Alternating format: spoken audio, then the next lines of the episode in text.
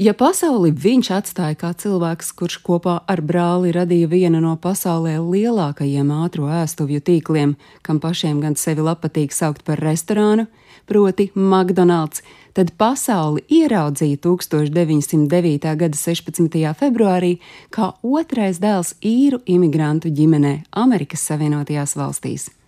Vecāki Patriks un Margareta puikam deva vārdu Ričards, bet uzvārds Magdonalds toreiz nebija pasaules slavens.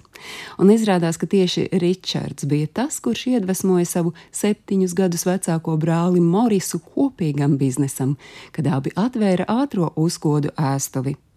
Tā gan nebija ideja, pie kuras brāļi nonāca ātri. Ričards un Moris Makdonaldi, dzimuši nabadzībā Ņūhempšīras laukos pagājušā gadsimta 20. gadu beigās, pārcēlās uz Kaliforniju ar vidusskolas diplomiem kabatā un vēlmi nopelnīt vienu miljonu dolāru pirms sasniedz 50 gadu vecumu. Kad abi brāļi Moris un Ričards Makdonaldi bija uzkrājuši nelielu bagātību kā Holivudas scenogrāfiju celtnieki, 1940. gadā viņi nolēma atvērt savu uzņēmumu, un tā bija autokafejnīca, kam ar hamburgeriem nebija nekādas saistības. Brāļi tirgoja hotdogus. Kad uzņēmums palēnām sāka nest ienākumus, brāļi nolēma veikt savā auto kafejnīcā dažas korekcijas, ieviešot pavisam jaunu pagatavošanas veidu. Viņa ēdiena gatavošanu un pasniegšanu sadalīja tā, lai katrs darbinieks darītu vienu darbību. Personāla rīcība bija vienkārša un vienveidīga, skrupulozi ievērojot secību. Šī ideja kļuva par pamatu ātrās ēdināšanas biznesam. Konvejera tehnoloģija vieglu brokastu, hamburgeru un citu ātri pagatavojumu ēdienu gatavošanai guva milzu panākumus.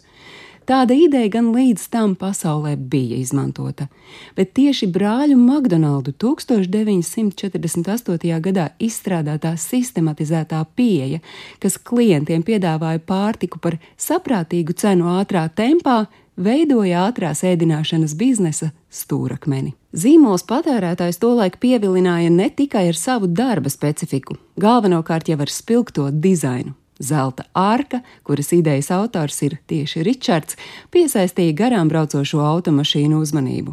Brāļi strādāja tandēmā, un Ričarda iesauka bija Digs.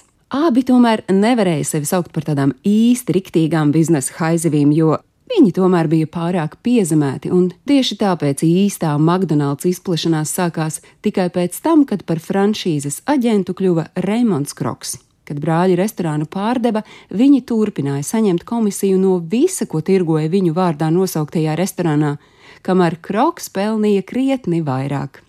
Ričards Makdonalds, kurš kopā ar savu brāli Morisu mainīja veidu, kā miljardiem cilvēku visā pasaulē ēd ātrās ēdināšanas restorānos, nomira pansionātā Manchestrā, Ņūhempšīrā, 89 gadu vecumā, un tas notika 1998. gada 14. jūlijā, brīdī, kad McDonald's restorānu ķēdē bija vairāk nekā 23,000 tirdzniecības vietu 111 valstīs, bet pārdošanas apjomi pārsniedza 33 miljardus ASV dolāru, stāstīja Agnese Trunka.